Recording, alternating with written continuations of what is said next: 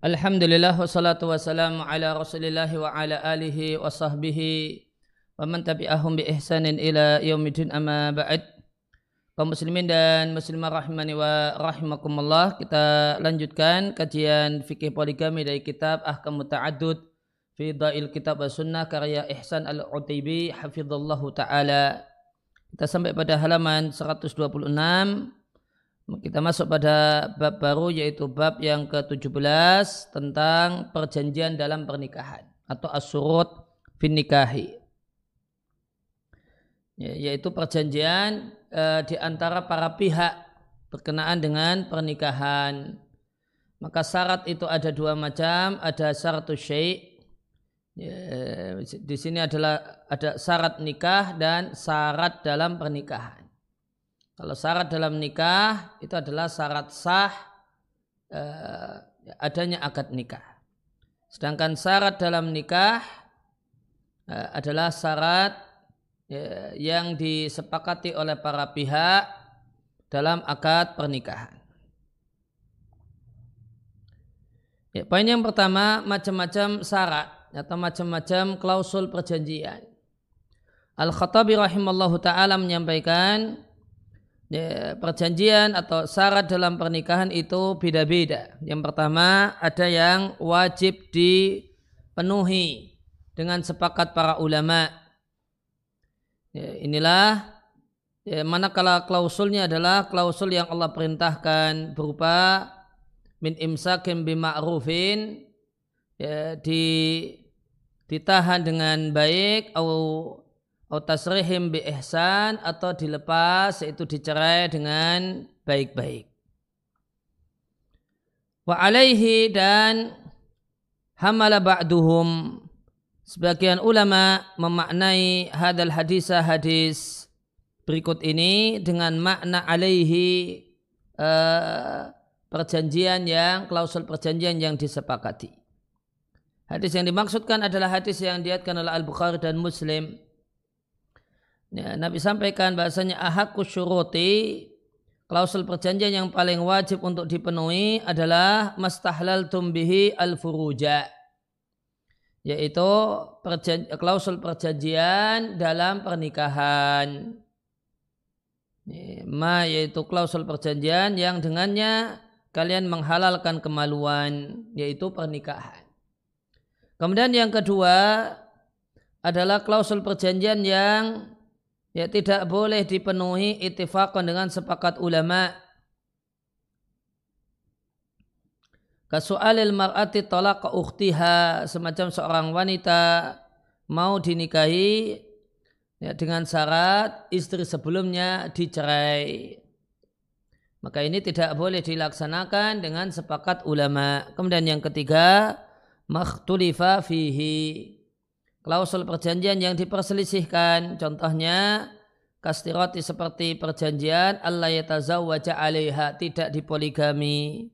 Atau la yatasara ya, ketika masih ada budak ya, perjanjian kalau si laki-laki tidak akan mengumpuli budak perempuan yang dia miliki. Atau tidak memindahnya dari tempat tinggalnya tempat tinggal istri ke tempat tinggal suami Yatasara di catatan kaki, yatasara artinya menyetubuhi jariatan lahu budak perempuannya. Disebut juga dengan suriyah, diambil dari kata-kata asuru, yang itu adalah salah satu nama lain dari hubungan biologis. Ya, atau diberi nama demikian karena seorang laki-laki, seorang itu menyetubuhi budak perempuannya sembunyi-sembunyi. An imraatihi. An imraatihi tanpa diketahui oleh istrinya.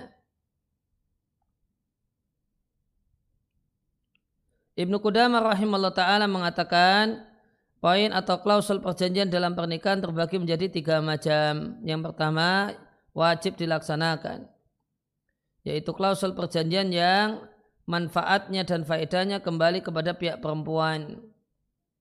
Semacam klausul perjanjian tidak dipindahkan, ya, tidak pindah domisili si wanita tidak akan diajak pindah dari rumah tempat tinggalnya atau negerinya atau tidak dia akan diajak pergi jauh atau Allah yatazawwaja alaiha tidak dipoligami atau la yatasara alaiha si suami tidak akan menyetubuhi budak perempuan yang dia miliki.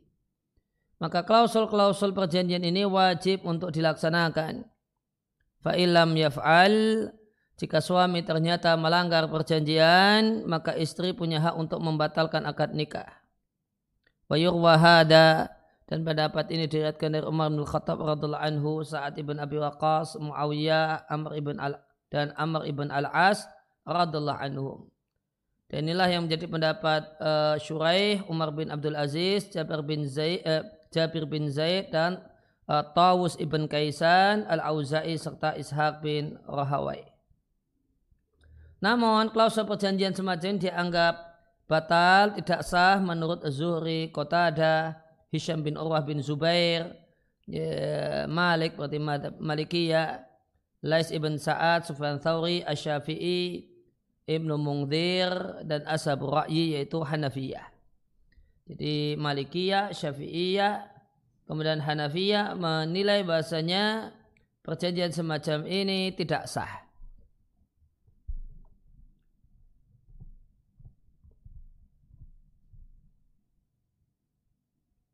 Ya, perjanjian tidak uh, tidak mau dipoligami itu perjanjian yang tidak sah menurut Malik, Syafi'i demikian juga Ashab Ra'i.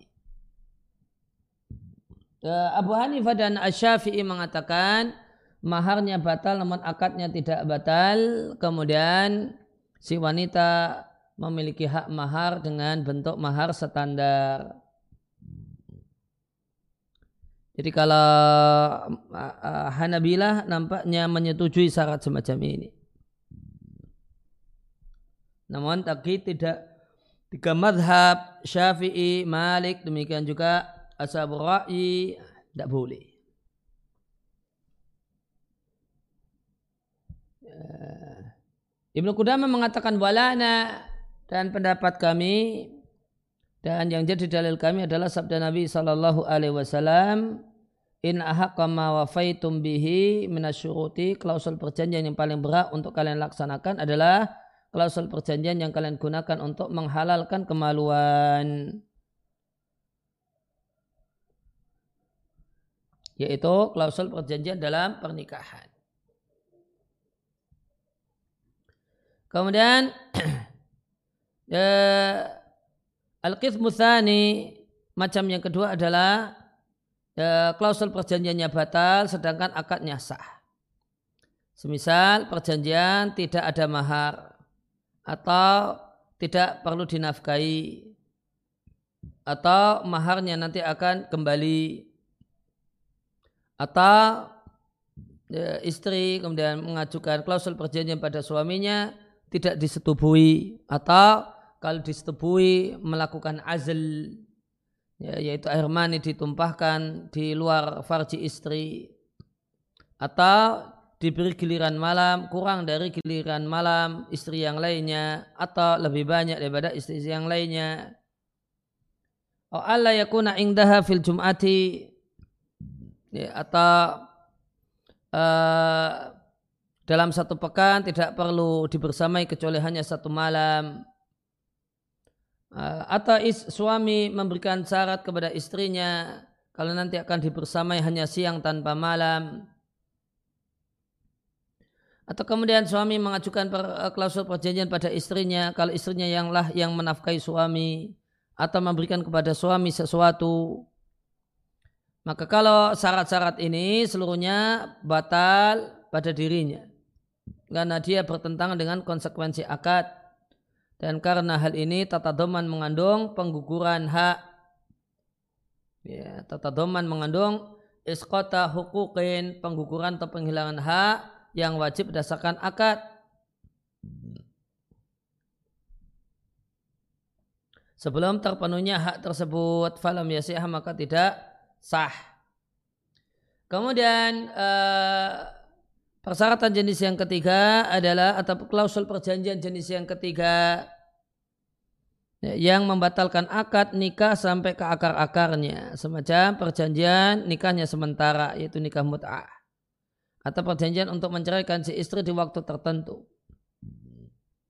atau mempersyaratkan adanya hak khiar ya, dalam pernikahan keduanya eh, baik itu hak khiar untuk keduanya atau untuk salah satu keduanya maka ini perjanjian-perjanjian yang uh, pada dirinya dia tidak sah dan menyebabkan batalnya akad pernikahan.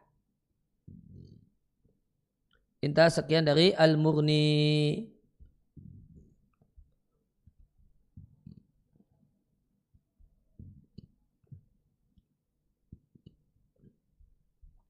Ya, kemudian uh, poin selanjutnya di antara klausul perjanjian yang batil tidak sah adalah seorang wanita mau dinikahi dengan syarat suaminya menceraikan istri sebelumnya.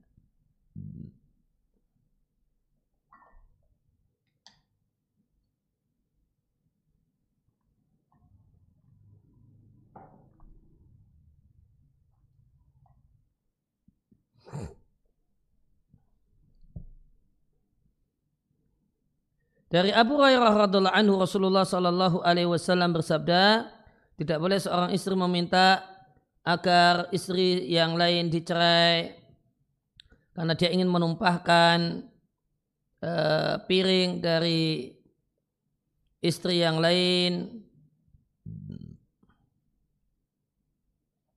dan supaya dia kemudian dinikahi. Kemudian uh, Nabi katakan fa nama laha ma ya kudiralah maka sesungguhnya baginya apa yang ditakdirkan untuknya. Diatkan oleh Al-Bukhari dan Muslim. Maka di antara motivasi minta agar istri yang lain itu dicerai adalah motivasi ekonomi. Maka disampaikan tujuannya adalah untuk menumpahkan piring. Artinya menghilangkan Eh, laki-laki yang wajib menafkainya. Maka Nabi katakan bahasanya hal semacam ini tidak mempengaruhi takdir. Maka sunnah baginya apa yang ditakdirkan untuknya. Ya, baginya apa yang ditakdirkan untuknya. Masing-masing punya takdir rezeki sendiri-sendiri. Nah, kemudian halaman berikutnya 128 dalam lafaz yang lain tidak halal bagi seorang wanita meminta agar istri sebelumnya dicerai karena dia mau menumpahkan ya, ya karena dia mau menumpahkan isi piring istri yang lain diatkan oleh Al-Bukhari. Wafilafdin dalam redaksi yang lain bahasanya Nabi Shallallahu Alaihi Wasallam melarang seorang perempuan e, mempersyaratkan untuk Eh, talaq ukhtiha. Diceraikannya melarang agar istri yang lainnya dicerai mempersyaratkan agar istri yang lain dicerai. Diatkan oleh Al-Bukhari dan Muslim. Dan di antara judul bab Al-Bukhari rahimahullah taala adalah bab ma la yajuzu fin nikahi. Ya klausul-klausul perjanjian dalam pernikahan yang tidak diperbolehkan Ibnu Qayyim rahimallahu taala mengatakan wa tadammana hukmuhu maka hukum Nabi sallallahu alaihi wasallam eh, mengandung ya, butlana istiratil mar'ati.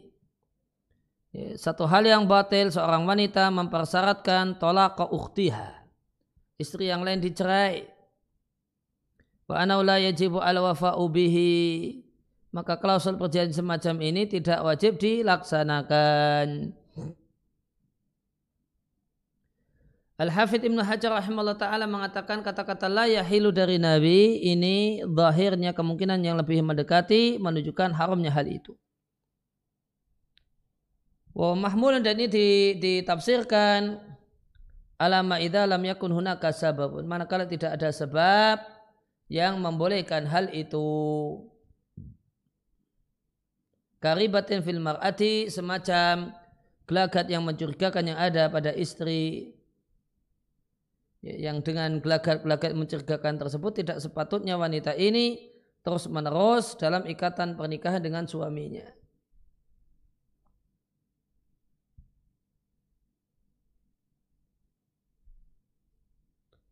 Atau kemudian uh,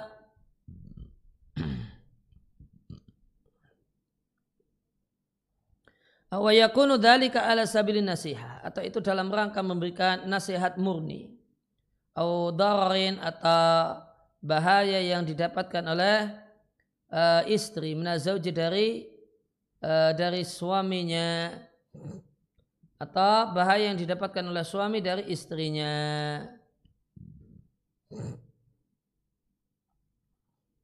Ibnu Battal rahimahullah ta'ala menyampaikan ya, peniadaan halal jelas menunjukkan hukum haram.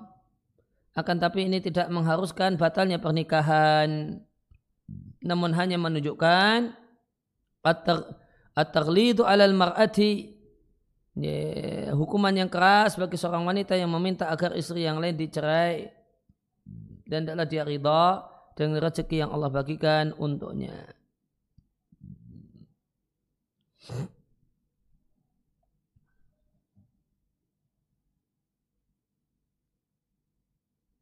Ya, maka tadi la, uh, la yahilu itu haram, namun haramnya itu dalam uh, selama yang pertama tidak ada sebab yang membolehkan, kemudian bukan dalam rangka uh, nasihat yang murni nasihat atau karena adanya ya, keburukan atau bahaya yang berasal dari suami atau berasal dari istri.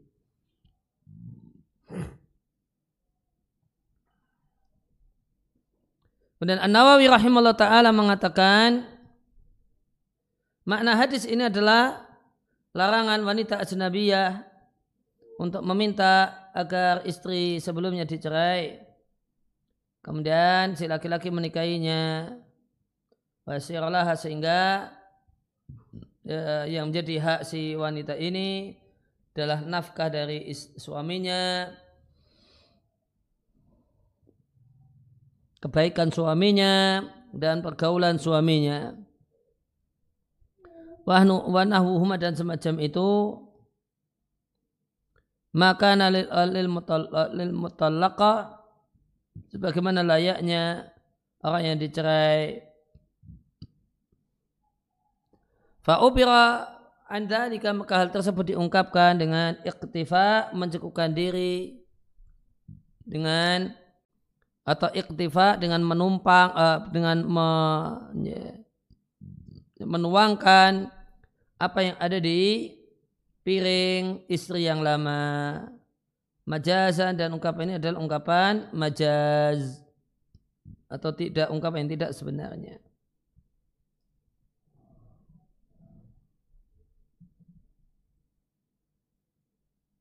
Kemudian Ibnu Qudamah rahimahullah ta'ala menyampaikan jika seorang istri mengajukan persyaratan, perjanjian supaya suami menceraikan istri sebelumnya, maka perjanjian tidak sah. Kan dilihatkan oleh Abu Hurairah radhiallahu anhu bahwa Nabi Shallallahu alaihi wasallam melarang adanya perjanjian untuk menceraikan istri yang lain dalam lafaz yang lain tidak boleh bagi seorang wanita meminta agar saudarinya dicerai kemudian dia nikahi dia nakah dengan laki-laki tersebut dan larangan di sini yang tadi menyebabkan batalnya hal yang terlarang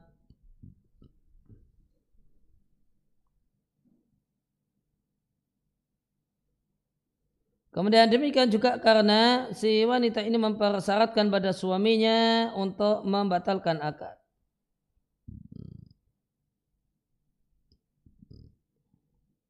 Untuk membubarkan akad dan membatalkan haknya hak, uh, hak suami dan hak istrinya maka ini tidak sah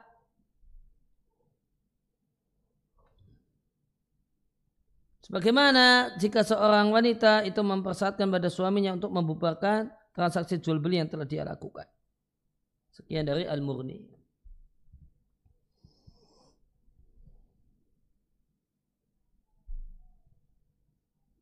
Ya, Ibn Abdul Bar rahimahullah ta'ala menyampaikan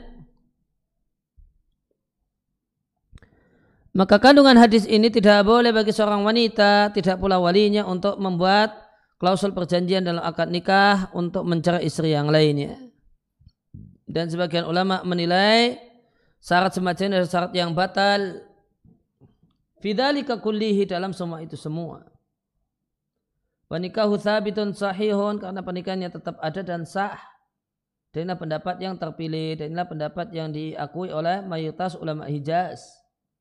Wahum adalika dan mereka meskipun demikian mereka tidak menyukainya.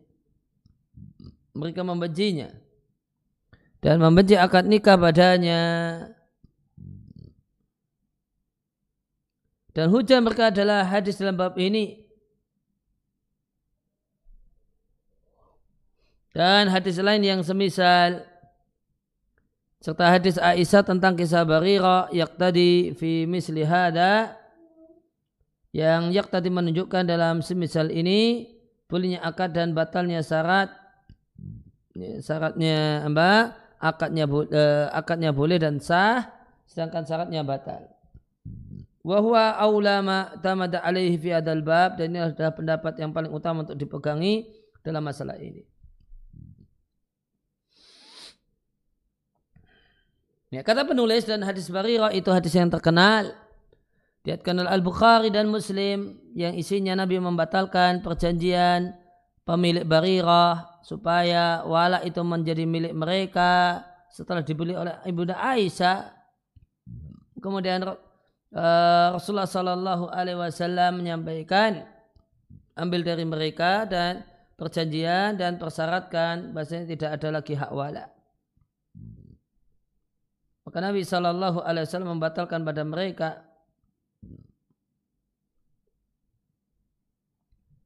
Alanan setelah terang, secara terang-terangan di atas mimbar dan di antara yang disabdakan oleh Nabi Shallallahu Alaihi Wasallam adalah kenapa sekelompok kalian membuat perjanjian yang tidak ada dalam hukum Allah.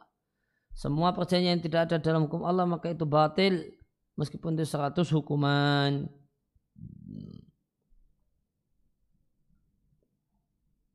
Maka dikatakan oleh penulis uh, sebagian ulama menilai sahih uh, hadas syarta perjanjian semacam ini dengan ya, dengan berdalal dengan hadis klausul perjanjian yang paling hak untuk kalian laksanakan adalah adalah perjanjian pernikahan yang dengannya uh, kalian halalkan kemaluan.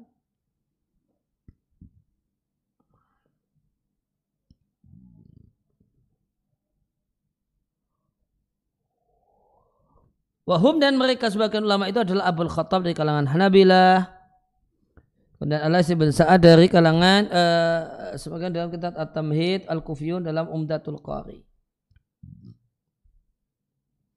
Namun para ulama telah menyanggah hal tersebut.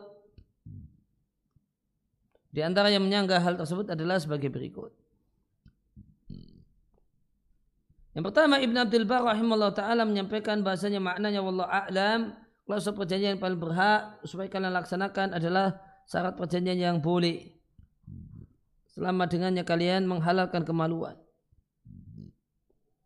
Fawa ahakku ma fihi almar'u wa aulama waqafa indahu. Maka ini adalah perkara yang paling selain seorang itu paling berat untuk dilaksanakan. Wa aula mimman waqafat indahu dan yang lebih utama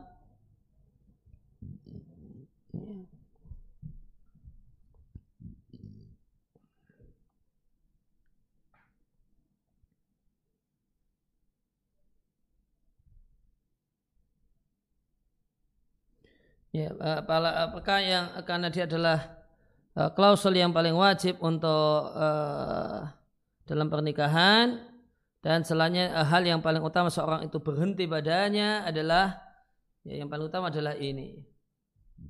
Al-Imam rahimahullah taala mengatakan jika ada orang yang mengatakan bukan kadirat dari Nabi sallallahu alaihi wasallam beliau menyampaikan eh, demikian dan demikian inna ahaqqama afautu bihi fahakada maka demikianlah nukulun sejumlah kutipan dalam hadis Rasulullah sallallahu alaihi wasallam bahasanya yang hak, yang perkara atau klausul perjanjian yang paling berat untuk untuk dilaksanakan mayubayinu yang ini adalah satu hal yang menjelaskan kalau itu boleh.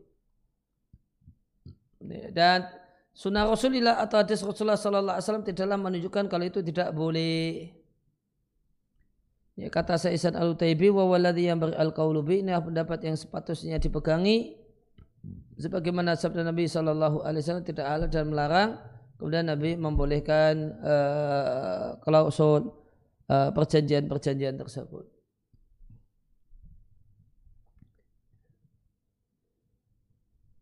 Ya, intinya uh, klausul perjanjian yang disepakati yang di sana ada uh, ada kepentingan ya, salah satu pihak di dalamnya maka itu satu hal yang wajib untuk dilaksanakan dan dipenuhi.